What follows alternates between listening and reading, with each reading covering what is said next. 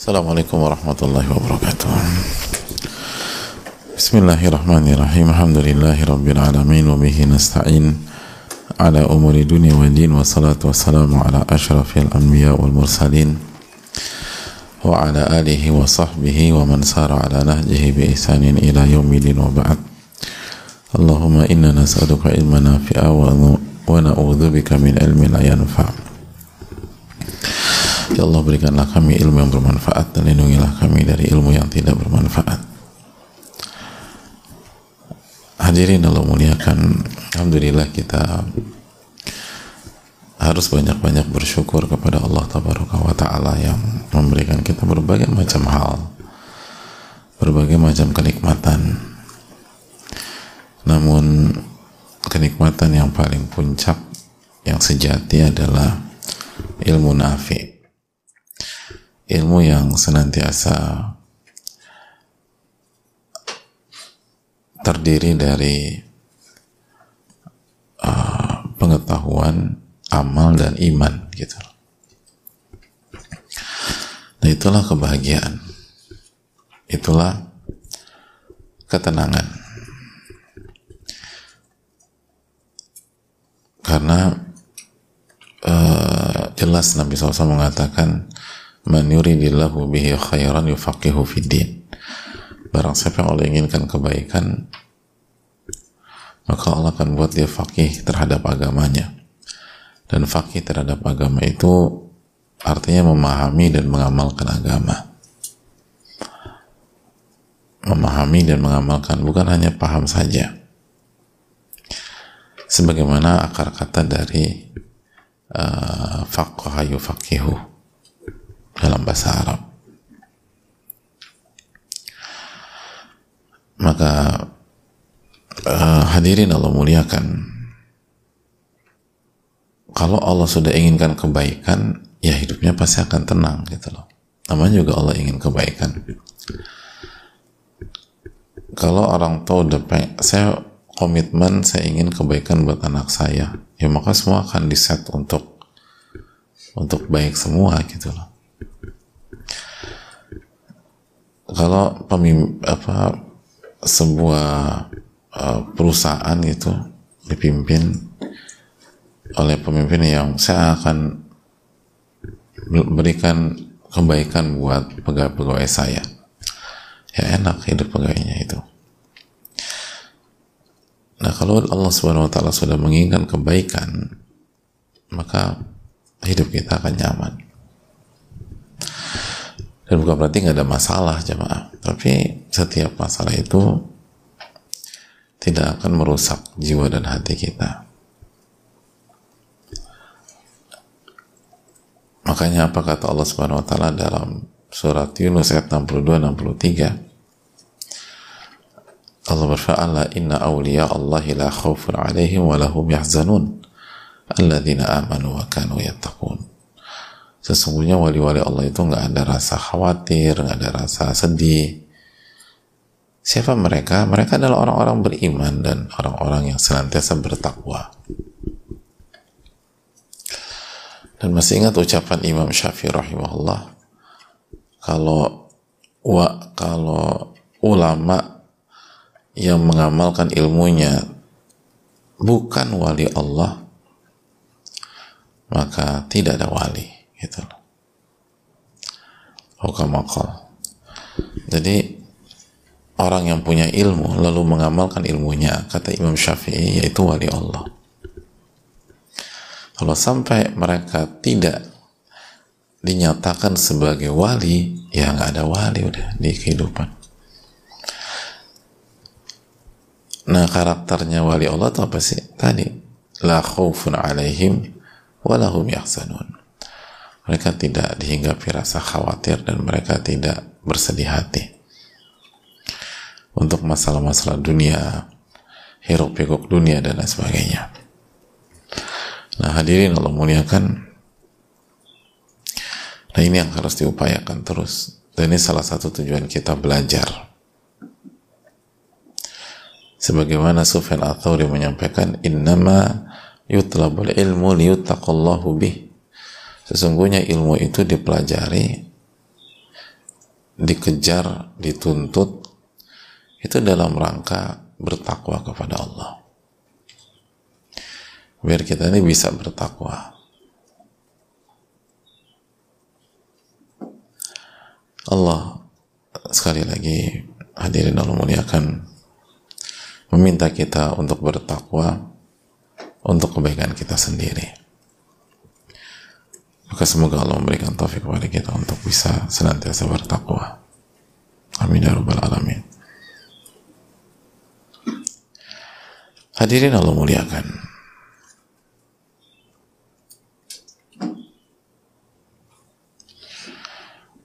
Uh, kita sudah menyelesaikan dalil-dalil dalam bab birrul walidain dan silatul arham dan pada kesempatan kali ini dan beberapa pertemuan berikutnya kita akan berusaha menyimpulkan dan menjelaskan poin-poin penting yang uh, mungkin belum dijelaskan pada pembahasan ayat atau hadis di atas atau di pertemuan sebelumnya. Dan ini uh, pola kita dari bab ke bab setelah selesai mengkaji ayat dan hadisnya maka kita coba buat kesimpulan dengan segala kekurangan dan kebodohan kita dan tentu saja kita ambil dari keterangan-keterangan para ulama. Nah hadirin hadirin Allah muliakan.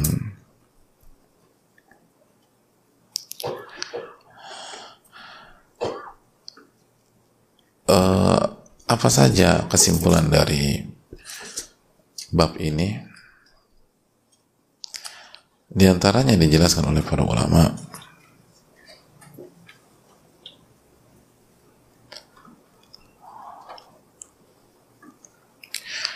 Uh, bab ini menjelaskan bahwa al-Islam la ya'riful ananiyah kata para ulama. Islam itu tidak mengenal egoisme egoisme dunia gitu. Egoisme dunia. Anani gitu loh.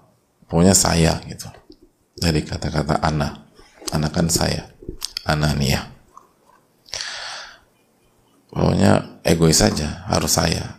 Saya harus dapat ini dan seterusnya.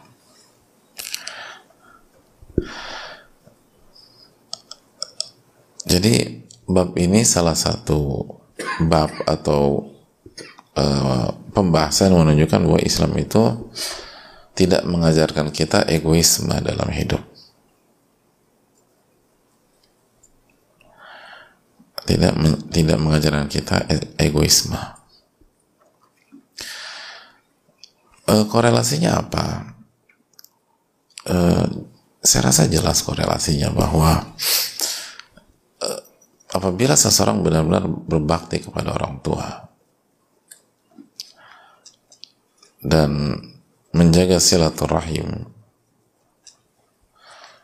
Maka otomatis sisi egoisme duniawi itu terkikis. Bahkan bisa sampai titik terkubur. Karena untuk bisa birrul walidain, untuk bisa uh, silaturahim, maka kita harus mengenyampingkan egoisme. Ya, sebagai contoh, ketika orang tua kita tidak menunaikan hak eh, menunaikan hak kita, tidak menjalankan perannya sebagai orang tua, bahkan sangat kontraproduktif alih-alih menjaga kita dari api neraka. Ku anfusakum wa ahlikum naro jagalah dirimu dan keluargamu dari sisa api neraka. At-Tahrim ayat 6 itu justru mereka misalnya ada kasus mereka mengajak anaknya melakukan kesyirikan. Melakukan kesyirikan. Melakukan hal yang membuat peluang anaknya masuk surga itu nggak ada gitu. mengajak anaknya ke neraka kan gitu. Urgensi mengajak kepada kesyirikan kan ngajak anak masuk neraka gitu. Bahkan bukan hanya ngajak masuk neraka kata Allah jahadaka. Mereka ini dalam kasusnya berusaha sekuat tenaga membuat anaknya syirik. Jadi bukan ngajak maksa gitu. Maksa. Dan kita tahu syirik itu maksud yang paling parah udah inna syirka la zulmun azim. Sesungguhnya kesyirikan adalah kezoliman yang paling parah dosa yang paling parah. Tapi apa kata Allah Subhanahu wa taala? Respon yang harus dilakukan oleh seorang anak yang ingin berbakti. Allah berfirman dalam surat Luqman ayat 15 itu fala tuti'huma wa sahibuhuma fid dunya fala tuti'huma jangan nurut kalau diajak syirik. Jangan nurut kalau dipaksa syirik. Tapi gitu loh. Tetap bergaul dan bersahabat dengan mereka berdua di dunia dengan cara yang baik. Gitu. Kalau jelas-jelas diajak ke kemaksiatan, dipaksa ngerjain maksiat, yang paling parah, yang paling parah ini. Inna syirka la zulmun azim dalam surat Luqman ayat berapa? Ayat 13 kan? Dua ayat sebelumnya. Itulah la tusyrik la billah inna syirka la dzulmun adzim wahai anakku jangan melakukan kesyirikan karena syirik itu zulim yang paling parah dosa yang paling besar itu syirik tapi tetap harus berbakti sama orang tua dalam konteks di luar kesyirikan itu. Nah eh, tetap baik dengan pihak yang ingin menjerumuskan kita ke neraka itu kan kalau masih mengandalkan egoisme nggak bisa jamaah nggak bisa Wong kita tetap baik sama orang yang ngambil duit kita 50 juta aja Gimana? Gampang atau susah? Ada orang ambil duit kita nih, 50 juta. Tetap kita berusaha berbuat baik. Gampang apa susah? Ya. Saya bilang gampang. Biar diuji nanti. Al-balah manutun bil mantik, kata para ulama. Ujian itu sangat berkaitan dengan ucapan seseorang. Susah lah. Padahal kalau kita boleh jujur ya, orang yang ngambil uang kita 50 juta secara zalim dan dia nggak bayar-bayar gitu ya. Sebenarnya itu menjerumuskan kita ke neraka atau memperbesar peluang kita masuk surga? Hah? Loh, ragu-ragu ini loh. Memperbesar. Jadi gimana? Kita maafin atau eh, dan kita berbuat baik sama dia? Nanti dulu lah Pak Ustaz. Ini uang gedung anak belum dibayar. Padahal kita tahu sendiri konsep kita kan. Orang yang ngambil uang kita secara zalim itu memperbesar peluang kita masuk surga. Karena kalau dia nggak bayar di dunia, dia kan bayar di akhirat dengan apa? Pahalanya. Kalau dia nggak punya pahala, dosa kita kita ditransfer ke dia. Itu kan memperbesar peluang masuk surga. Itu kalau 50 juta. Kalau 100 juta berarti pahalanya lebih besar lagi yang dioper ke kita. Atau dosa kita lebih banyak lagi yang dikasih ke dia. Kalau 100 juta kalau 500 juta lebih besar lagi. Berarti tambah kecil atau tambah besar peluang surga kita? Besar. Kalau satu miliar tambah besar. Jadi dimaafin nggak? Nanti dulu lah Pak Ustaz gitu. jadi hadirin Allah muliakan.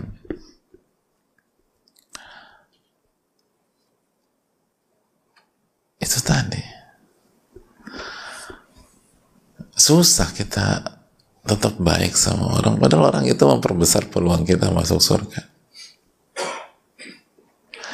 Jadi ini bukan hanya jadi bab ini tuh bukan hanya berbakti sama orang tua titik tapi berbakti kepada orang tua. Dan sekaligus mengobati penyakit hati kita. Salah satunya egoisme.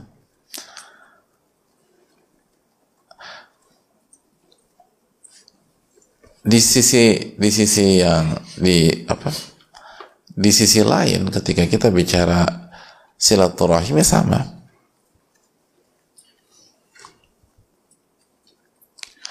Kan silaturahim kita sudah jelaskan Laisal wasil kal mukafi Penyambung silaturahim bukan orang yang balas jasa atau balas budi.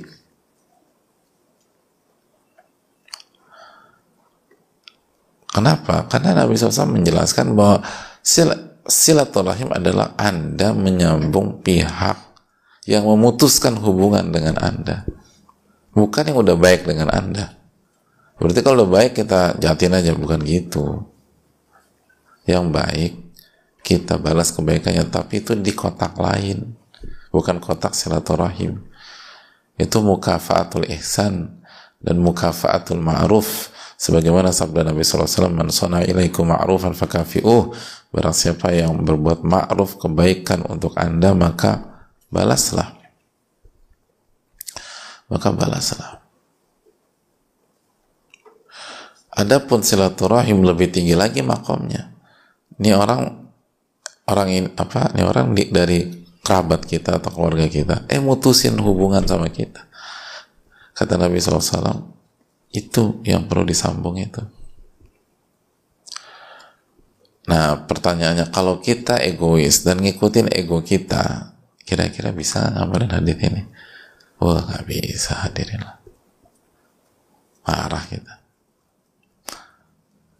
Mas kenapa sih nggak? Oh dia duluan yang kurang ajar. Gitu bahasa gitu.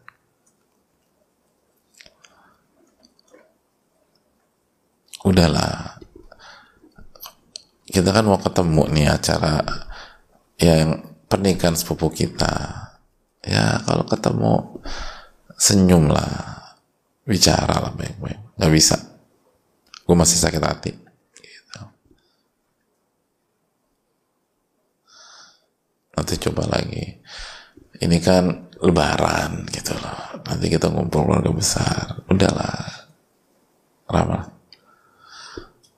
Lo kayak pak ustadz ya? Gitu loh gitu. dan lo kok nasihatin gue terus sih? Kalau lo mau nasihatin dia dong nasihatin kan yang zolim dia. Udah gue dizolimi dapat kuliah terus dari lo. Udah udah. Kalau mau nasihatin dia aja.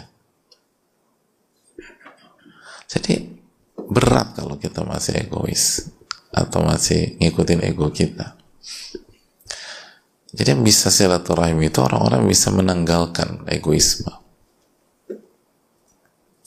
Jadi ini bukan hanya menyambung tali silaturahim, tapi di waktu yang sama memperbaiki karakter kita. Dan itulah fungsi iman dan tauhid kepada Rabbul Alamin.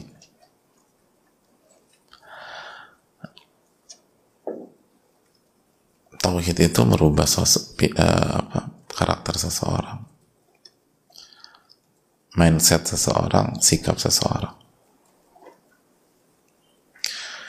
Makanya tauhid itu kebutuhan.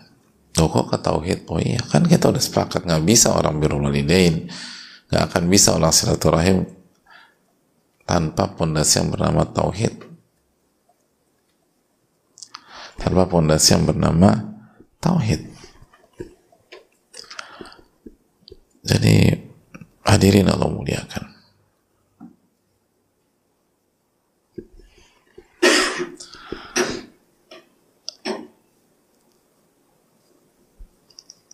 Ini pelajaran yang sangat mahal bagi kita. Dan di sini pentingnya kita belajar.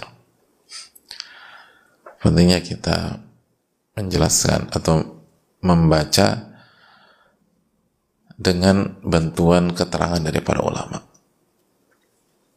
Karena cara mereka melihat sebuah objek atau cara mereka melihat sebuah dalil itu jauh lebih luas daripada cara kita melihat. ya karena mereka dididik sama ulama dan guru-guru mereka. Lalu terus demikian sampai silsilahnya sampai ke Rasulullah SAW mendidik para sahabat radhiyallahu taala anhu. Itu hadirin sekalian.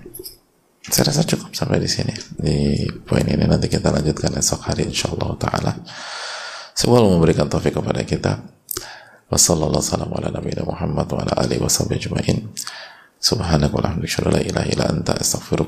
Assalamualaikum warahmatullahi wabarakatuh. Hidup kian berkah dengan berwakaf Al-Quran. Sahabat, mari kita isi hari dengan penuh keberkahan ini dengan amalan-amalan baik.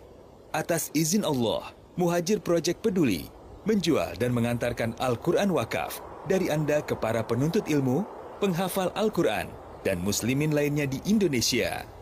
Insya Allah, anda juga dapat membeli mushaf tersebut untuk diri dan keluarga. Insya Allah mudah dan multi manfaat. Keuntungan penjualan Al-Quran wakaf, insya Allah akan disalurkan untuk ragam aktivitas dakwah dan pendidikan Al-Quran di bawah Yayasan Muhajir Peduli Indonesia. Al-Quran Wakaf Kejar tambahan berkah dengan berwakaf Al-Quran melalui rekening CIMB Niaga Syariah. 8600 1381 5600 kode bank 022 atas nama Muhajir Peduli Indonesia. Muhajir Project Peduli